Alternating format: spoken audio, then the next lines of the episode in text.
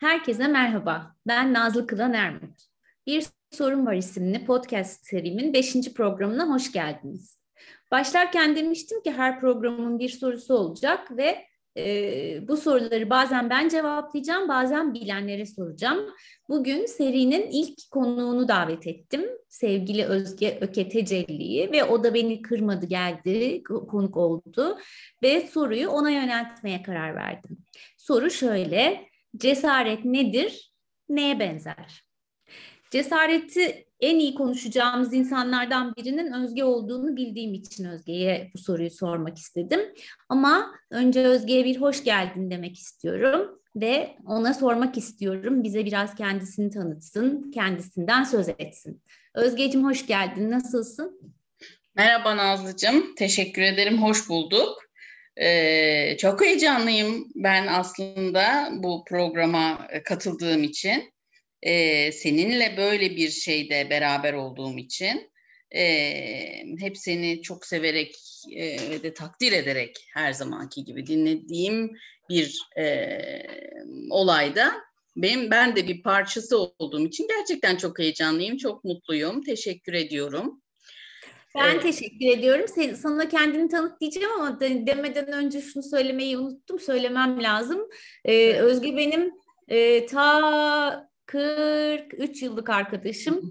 Dolayısıyla ve de iş ortağım ve de kardeşim artık. O yüzden e, bu programın ilk konunun o olması da benim için çok anlamlı. Bunu söyledikten sonra sözü sana veriyorum. Bize birazcık kısacık kendinden söz edip e, tanıtır mısın kendini bize? Tanıtırım, tanıtırım, konuşurum da bütün program boyunca. Ama sen beni, ben başlıyorsam konuşmaya uzatırım. Sen beni kes. Bir de bahsettiğin malum sebepten dolayı yani birazcık uzun bir arkadaşlığımızın olmasından dolayı ben e, profesyonel kısmı unutup seninle normal hayat konuşmasına geçersem beni dürteceksin Nazlıcığım. Allah sen merak etme. Teşekkür ederim. Şimdi ben kimim? Ben Özge. Ee, Nazlı'nın çok eski arkadaşı Özge. Ee, ODTÜ'de e, psikolojik danışmanlık okudum. Eğitim bilimleri bölümü, rehberlik ve psikolojik danışmanlık ana bilim dalında. O zamanlar bizim lisanslı programımız. E, Tevfik Fikret'ten sonra Tevfik Fikret Lisesi'nde okuduktan sonra gerçekten çok isteyerek girdim bu bölüme. Ondan sonra da isteyerek de okudum. Daha sonrasında hemencecik evlendim e, evlenince çok fazla bu işi yapmadığımı düşündüm. Yani alanda, pratikte çok çalışmadığımı düşünsem de aslında meğersem çok çalışmışım e, kendi işimizde eşimle beraber olan. Ondan sonra da e, benim çok sevgili okuldan yine ODTÜ'den arkadaşım Zeynep beni bir gün e, bir şeye davet etti, bir yaz okuluna davet etti. Hadi gel sen de adlerce ol diye. E, adleri duyunca çok heyecanlandım çünkü okulda e, pek bir ilgimi çekiyordu. Ondan sonra da e, tamam dedim ben de tekrardan döneyim alana. Zaten oğlum da olmuştu. E, onunla birlikte Ankara'da vakit geçirmek zorundaydım. E, o yüzden de e, alana döndüm ve e, adler yolunda ilerlemeye başladım Nazlıcığım. Ee, Özge Adler, Adler yolunun senin için önemli bir yol olduğunu iyi biliyorum. Ee, belki bizi dinleyenlerin arasında bu konuyla ilgilenenler de vardır. Belki psikolojik danışmanlığı önemseyenler de vardır. Onun için e, onlar adına da sormak istiyorum. Hmm. Adler'de seni heyecanlandıran şey neydi? Neden o kadar anlamlıydı senin için bu ekolün peşinden gitmek? E, teşekkür ederim bu soru sorduğun için. Çünkü e, gerçekten mesleğe yani psikolojik danışma yapmaya başlamamın da sebebi bu oldu aslında. Dediğim gibi ben okulda keşfetmiştim maddeleri aslında. Düşüncesinin temeli şuydu. İnsanın eğer davranışlarını anlamak istiyorsak bir önce onun sosyal çevresiyle değerlendirilmesi gerektiği, bir bütünün parçası olduğu görüşü beni vurmuştu önce. Ondan sonra da tanıdıkça şey diye e, iyice yerleşti içime. Ee, mesela diyor ki Adler hastalık diye bir şey yoktur diyor. Yani sorunlu olarak gelir size danışanlar ama siz onların sorunlarına bakmayın diyor. Çünkü sorun diye gördüğünüz veya onların sorun diye gördükleri şey diyor aslında bir çeşit cesaret kırılmasıdır, bir çeşit heves kırılmasıdır. Ee, o yüzden bir şeyleri yapamıyorlardır. Oysa ki hayat harekettir e, diyor Adler ve bunu düşündükçe, duydukça ve aslında tabii ki de deneyimledikçe Adler beni gerçekten çok cezbetti. Bir diğeri de Adler'in amaca yöneliklilik ilgimi çekti. Bu ilkesi ilgimi çekti. Yani ne yapıyorsak biz belli bir amacımız olduğu için diye savunması çok yakın geldi bana. Çünkü yani bu buzdağının işte malum üstünde bir şeyler var, bir dava var ve bu neden böyle diye sormak yerine acaba altındakiler ne ve ne için böyle davranıyor diye sormak benim çok ilgimi çekti. Yanı sıra bilinç ve bilinçaltı diye bir şeyin ikisinin birden aynı amaca hizmet ettiği, ayrılamaz bir bütün olduğu ilkesi insan davranışlarını zaten anlamak için e, psikolojik danışma okumaya karar vermiştim. E, e, bu yolda da benim bayağı önüme ışık tutan şeyler oldu Adler. Daha birçok var da dediğim gibi birkaç program eder. bence de, bence de. E, bu işte parçalanamama, bütün olma, bütünün parçası olduğunun farkındalığı, sosyal çevrenin parçası olma e, konuları her zaman bana da hep sen anlattıkça çok enteresan gelen şeyler. O hayat harekettir cümlesini de çok severim. Çünkü biliyoruz ki artık bir amaca doğru hareket ettiğimizde her sabah yataktan keyifle kalkabiliyoruz. Ben de onları seninle birlikte e, duydukça, senden dinledikçe beni heyecanlandıran kısımları da onlar olmuştu aslına bakarsan. Ve demin de senin söylediğin gibi aslında e, bu e, cesaret, heves konusu da Adler'in önemli paylaşımları arasında senden duyduğum, bildiğim kadarıyla. Ve biz artık e, gerek yaşamın bütününde gerekse iş dünyasında cesaret ve cesaretlendirme konularını çok konuşuyoruz, çok duyuyoruz daha doğrusu. Senin de cesaret ve cesaretlendirme ile ilgili bireylerle, ailelerle, gençlerle, öğretmenlerle, şirketlerle çalıştığını biliyorum. Bu bakış açısıyla cesaretin doğru tanımını da senden alırız diye düşünüyorum. Çünkü cesaret bazen hani o gözü karalık gibi tanımlanıyor, anlaşılıyor ya. Ama sendeki o heves ve cesaret başka tanıma sahip. Onu bize söyler misin? Cesaretin tanımı ne? Tabii tabii söylerim ama baştan hemen söyleyeyim. Çok bir şablonu yok cesaret tanımının. Ama yine de e, baştan çok kısaca bir söylemek isterim ben. Kendim anlamak için de illa böyle bir çok kısa bir özet söylemek isterim. Cesaret insanın içindeki bitmeyen hevese denir Nazlı.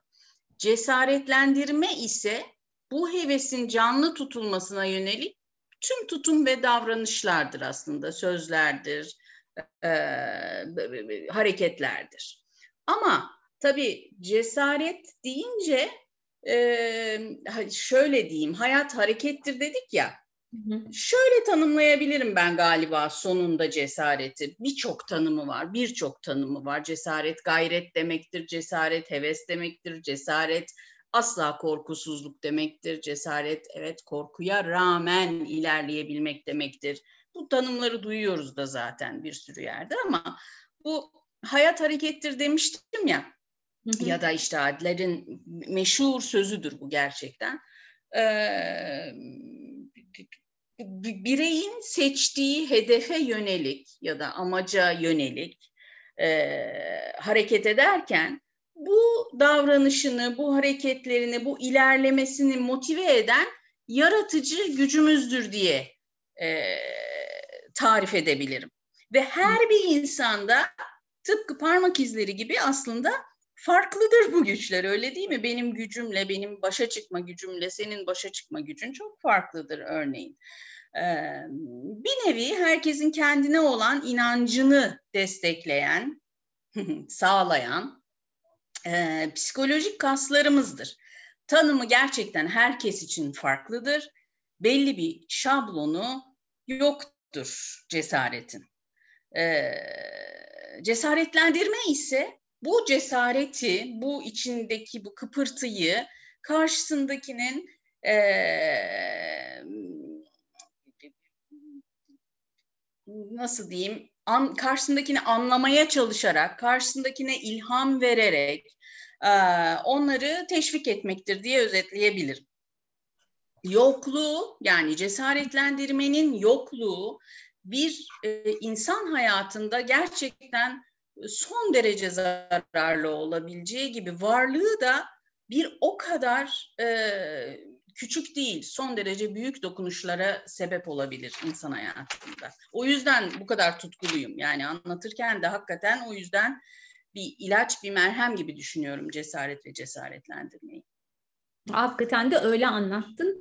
Ee, senin bir benzetmen vardır. Şimdi onu hatırladım. Şey dersin sen e, nasıl ki bir çiçeğin toprağa ve suya ihtiyacı varsa büyümek için insanın da cesaretlendirmeye ihtiyacı vardır büyümek ve gelişmek için. Onun için bu tanımla bakınca, bu benzetmeyle bakınca e, cesaret ve cesaretlendirmenin de hayatımızda ne kadar önemli olduğunu fark etmek daha da mümkün hale geliyor diye düşünüyorum. E, ben bu öyle, benzetmeden öyle. Bir düzeltme yapayım. Çok özür. Ha. Tabii ki. Ay Dinliyorum. üst üste konuştum affedersin ya. Bir hayır, düzeltme yapayım. E, biliyorsun sen de ben biraz takıntılıyız referans konusunda. O e, çiçek su benzetmesi benim çok sevdiğim e, bir yine e, Adler'in öğrencisi olan bir hocanın benzetmesi. Rudolf Dreikurs diye bir amcanın benzetmesi. Onun için onu hemencecik söyleme gereğini duydum. Özür dileyerek kestim lafını. Peki çok teşekkür ederiz. Onu da kulakların atmış olduk burada. Peki bir şey soracağım. Evet, Sen neye benzetirdin cesareti? Bir şekli olsa ne nasıl bir şeye benzer? Ya Allah'ım bu soruların hakikaten beni çok hoşuma gidiyor. Naz nereden buluyorsun bu soruları? Hep sorarsın sen bana. Daha önce de sordun, düşündüm bunu. Ee, şimdi acayip düşünmeye sevk ediyor gerçekten e, insanı bu tip soruların kitabında da çok sorularından bahsediyorsun ya en çok beni vuran tarafı da kitabının orası olmuştu. Şimdi şekli olsa ben vallahi elle çizilmiş bir daireye benzetirim şeyi, cesareti. Hmm. Çünkü elle çizilmiş. Çünkü daire dediğin şey aslında sadece pergel kullanıldığında veyahut da bir pergel kullanılmış bir şablon kullanıldığında doğru düzgün bir daire çizebilirsin. Öyle değil mi? Ama e, elimizde pergel yoksa veya bir herhangi bir şablon yoksa daireyi tam çizemeyiz. İşte pergelsiz de olsa daire çizmek aslında cesaretli olmak, cesur olmak veyahut da o daire cesarettir benim için. Bilmem e, tarif edebildim mi içimdeki cesaret tanımını? Ettin bence. Ve de demin parmak izi demiştin. Hakikaten bir şablon olmadan çizdiğimiz daireler her birimizinki birbirinden farklı. Evet. Ee, çok da onu çağrıştırdı şimdi söyleyince. Peki sence insan yaşamındaki değeri ne cesaretin ve nasıl gelip de yerleşiyor insanın içine dedin ya herkesin içinde olan bir şey aslında o içteki hevesin bitmeyen hevesin adı cesaret dedin. Nasıl geliyor yerleşiyor ve bizim için değeri ne onun? Ee, Valla işte bu konu lebiderya. Şimdi sorduğunda bile, düşününce bile bu soru insana ne güzel geliyor. Cesaretin insan yaşamındaki değeri deyince öyle değil mi? Yani bir düşününce benim yaşamımdaki cesaretin değeri çok güzel. Yani güzel bir şey. İnsan kendini cesur hissedince güzel bir his yani. Bu kadar basit aslında ama bu kadar da bir paha biçilmez bir değer bence. Şimdi insan sosyal varlıktır dedik ya. Hı hı. Adler amcamız demiş ya onu ee, ve de ne kadar da doğru söylemiş. Çünkü, bir birliktelik ile var olan bir varlık insan. Hiçbir insan yavrusu onu besleyen birisi veya bir şey olmadığı zaman yaşayamıyor. Maalesef hayatını yitiriyor doğduğu anda eğer kimse yoksa yanında yok. Dolayısıyla biz birlikte olmaya muhtacız. Zaten yaşadığımız şu son günlerde de en büyük sıkıntımız bu. biz birlikteliklerimizden besleniyoruz.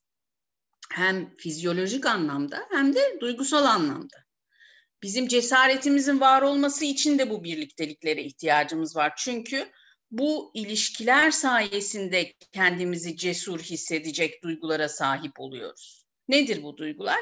Kendimizi ait hissetmek, kendimizi e, o bulunduğumuz yerde, o ait hissettiğimiz yerde bir şeyler başarabiliyoruz diye hissetmek, yapabilirliğimizi, yeterli olduğumuzu hissetmek ve de bu yeterli olduğumuzla da yetinmiyoruz aslında. Ya bu birlikteliğimiz sayesinde birileri de bizi görsün, bu hani yeterli olduğumuzu da görsünler diye hissetmek istiyoruz. Değer verilmek, önemsenmek istiyoruz. Biz bunları hissedersek ancak gerçekten e, cesur hissedebiliyoruz kendimizi. Dolayısıyla insan yaşamındaki değeri gerçekten paha biçilmez. Bu arada şunu da söylemek istiyorum. Cesareti egodan ayıran bir şey var burada. Deminden beri ben ait hissetmek, ben, ben, ben deyip durdum. Ama cesareti egodan ayıran çok önemli bir özellik var. Belki cesaretin gerçek bakışını, gerçek e, duruşunu anlamak için de önemli olabilir dinleyenler için. E, hani o korkusuzluk ve gözü karalık demek değildir dedik ya. E, ego der ki ben yaptım. Ben korkusuzum, ben şöyleyim, ben böyleyim, ben yaptım yahu, ben yapabiliyorum. Ya tamam çok güzel bir şey bunu söylemek ama cesaret şu. Ben yaptım ve o yaptığım her ne ise bir başkasına katkı sağlıyor. İşte bunu duymak, bunu hissetmek insanı gerçekten kendine cesur hissettiriyor. Niye? Bir daha yapıyorsun çünkü. Bir başkasına da yardım olsun istiyorsun. Üstelik o bir başkası yardımı olan bir başkası dur ben böyle bir şey yaşamıştım ben de bir başkasına başka birine daha böyle bir şey yapayım diyor. Bu bu bu bu bu yapılan şey böyle korkunç büyük bir şey değil. Sadece bir sırta dokunuş, bir göz kırpış bile bazen bir cesaretlendirme olabiliyor. Dolayısıyla gerçekten birilerinin hayatında, herkesin hayatında cesaretin değeri çok çok büyük, çok çok büyük. O zaman şöyle diyebilir miyiz cesaret diye söylediğimizde aslında insanların arasındaki kurulan bağların içine de yerleşen bir şey ve de beraberinde de bulaşan da bir şey cesaret ve cesaretlendirme. Tabii, tabii, tabii. Tabii, tabii. Yani ayna etkisi var. Cesaretlendirme yaptıkça biz cesaretleniyoruz. Cesur hissediyoruz. Birilerini cesaretlendirdikçe cesur hissediyoruz.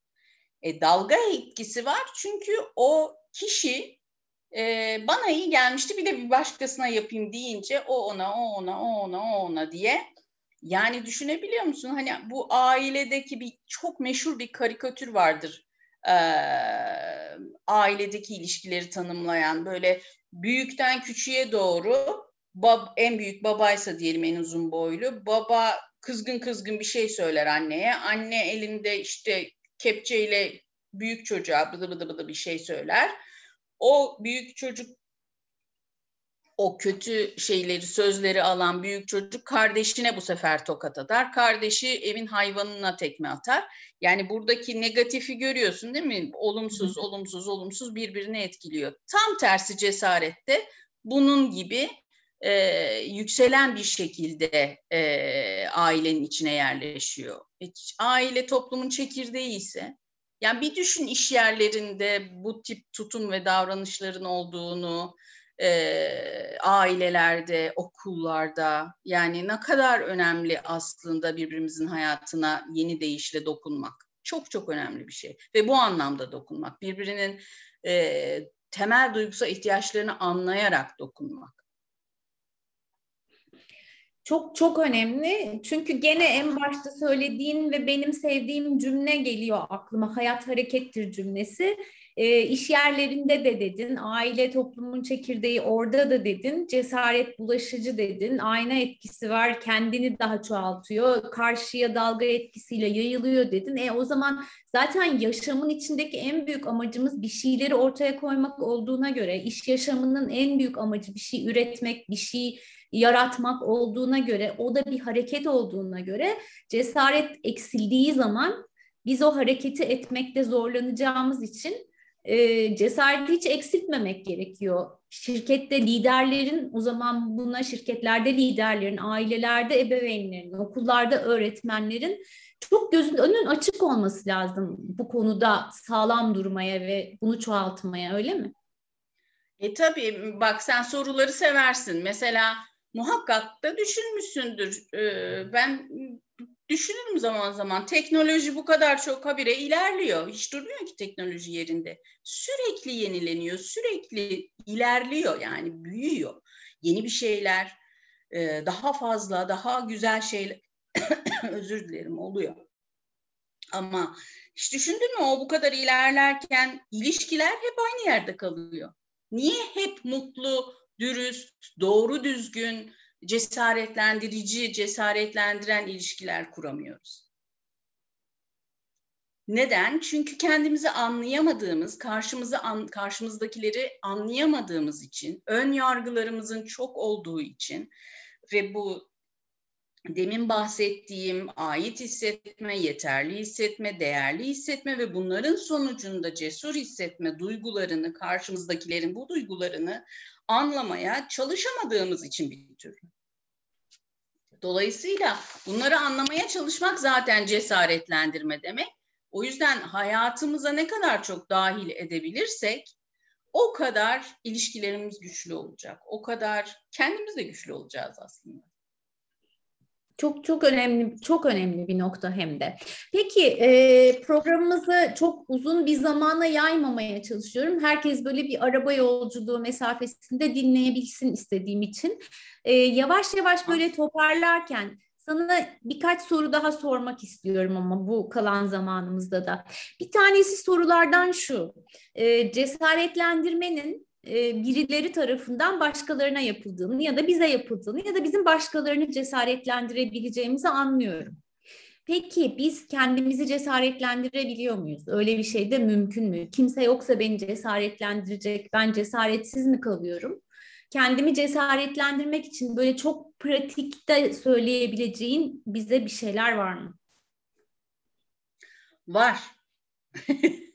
var. Hemen kağıt kalemleri alın. Bir, ya gerçekten çok önemli bir şey bu e, sorduğun soru yine. E, ces, bir kere cesaretlendirici olmayı e, kafaya koymak lazım. Kendini de cesaretlendirmek için. Bu bir. Yani onu demin siz bahsettiğimiz şey. Cesaretlendirici olmayı hayatımıza dahil etmek lazım. Bunun için ne yapmalıyız? Bunun için biraz hayır tutumundan ziyade evet tutumuna yatkın kişilik rolünü benimsemeliyiz. Ha, bu çok kolay olmayabilir ama bu ne demektir? Başta gerçekten e, değişim yerine dönüşüme inanmamız lazım. Değişim mümkün değil çünkü. Değişim dediğin şey sen birdenbire değişebilir misin? Mümkün değil, değişemezsin. Ama dönüşebilirsin. Çünkü özünü koruyarak değişmenin anlamı dönüşümdür. Dolayısıyla bunu yapabilirsin. Öyle değil mi? Kendinden de ödün vermezsin. Dolayısıyla bunu da birazcık ne olur e, hayatımıza dahil etmeye, bu inancı da hayatımıza dahil etmeye e, çalışalım derim ben.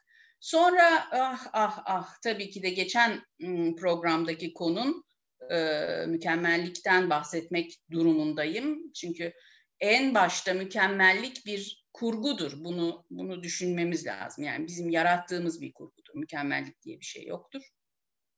Ve bu bir kurgudur. Bunu özümseyerek ilerlememiz lazım.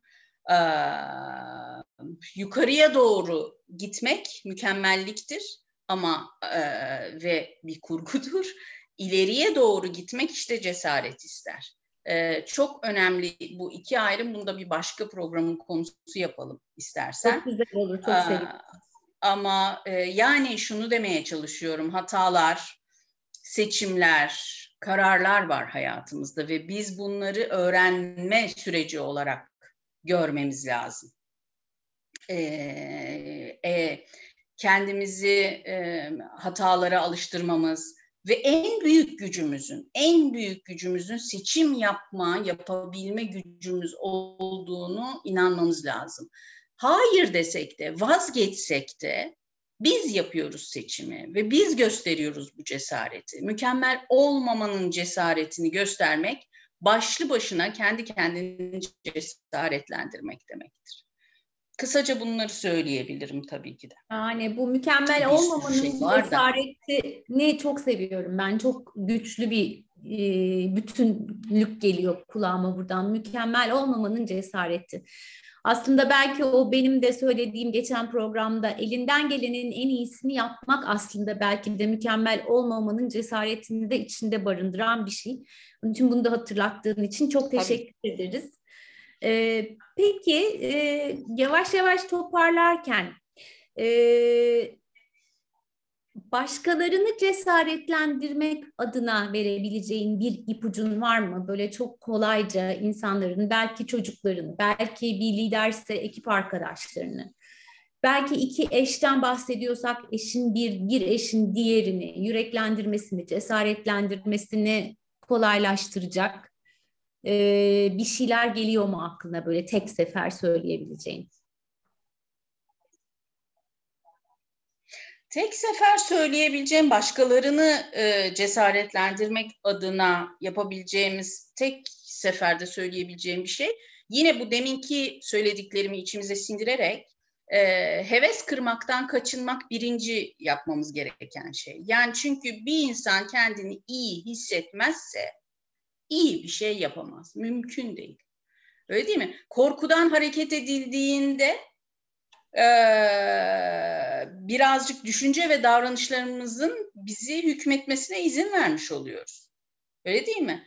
Bu bu bu bu, bu hani hani başta söylediğimiz e, hatalara bakmamak, negatiflere bakmamak, hastalık diye bakmamak, sorunlara sorun diye bakmamak, bütün bu bakış açısını yerleştirmek başkalarını cesaretlendirmemiz için yapılması gereken birinci şey. Ama bu pohpohlamak falan değil yani bu sürekli gaz vermek, pohpohlamak falan değil. Yeri ve zamanı da elbette çok önemli. Gerçekçi olması gerekiyor. Aslında biz karşımızdakine şunu vermeliyiz Nazlı. Umut etme cesaretini vermeliyiz. Hmm. Ve yani bu umut etme cesareti aslında içimizde var. Umut etmek ne demek? Gelecekteki hedeflerimizi, amaçlarımızı sanki şu anda, şimdiymiş gibi gerçekleşmiş gibi yaşamak demek. Öyle değil mi? Umut etmek demek. Ve umut bu demin bahsettiğimiz dönüşüm için şahane fırsatlar sunar. Yani umut olmasa hani olmaz diyoruz, bunu biliyoruz ama nedir umut? Bir düşünme ve inanma biçimidir. En savunmasız, en güçsüz hissettiğimizde işlerin daha iyi olacağına inanma riskini almak için bizi harekete geçirir umut. Şimdi karşımdakine bunu anlatmaya çalışmak başlı başına bir cesaretlendirme işidir zaten. Ee, son şu, şu kısacık zamanda yani sadece söyleyebileceğim şey var en zor zamanlarda bile. Ne olursa olsun hepimizin bir süper gücü olduğuna inanmamız lazım ve bunu karşımızdakine de anlatmamız lazım. Seçim yapma ve seçme, karar verme gücü. Vazgeçmek bile bir seçimdir ve bazen çok cesur bir seçimdir. Aynı şekilde devam etmek de bir seçimdir ve bu da çok cesur bir seçimdir. Çünkü kişiye göre, olaya göre değişir. Yeter ki ne seçersek seçelim, mükemmel olamayabileceğimizi anlayalım. Çok çok güzel ve bu Derya Deniz bir konu hakikaten konuşmaya başladı yani konuşmayı bitiremeyecek kadar uzayabilecek hale getirebilecek bir konu. Bence birden çok programı da hak edecek bir konu diye düşünüyorum. Ama bugünkü programı yavaş yavaş toplarsak, habire yavaş yavaş toplayalım diyorum toplayamıyorum farkındayım. Ee, yavaş yavaş kapatırken şöyle bir top ben özetleyeyim senden anladıklarımı istiyorum e, cesaret kavramı, cesaretlendirme kavramı insandan bahsediyorsak her zaman odakta olması gereken iki kavram. İnsan ve ilişkiden bahsediyorsak anladığım kadarıyla. Yola devam etmenin en ortasında duran kavramlardan bir tanesi. Birbirimizi cesaretlendirmek için, e, cesaretlendirici olmak için, e, heves kırmaktan kaçınmak, gerçekçi bakış açısıyla olaylara bakabiliyor olmak, e, umut etme cesaretini hem kendi içimize hem diğer insanların içine yerleştirebiliyor olmak çok değerli diye anlıyorum senin duyduk, senden duyduklarımdan. E, son söylemek istediğin bir şey olsa cesaret ve cesaretlendirmeye dair. Belki bu bir mesaj olabilir. Belki bir son kapanış cümlesi olabilir. Ne söylemek istersin bizi dinleyenlere?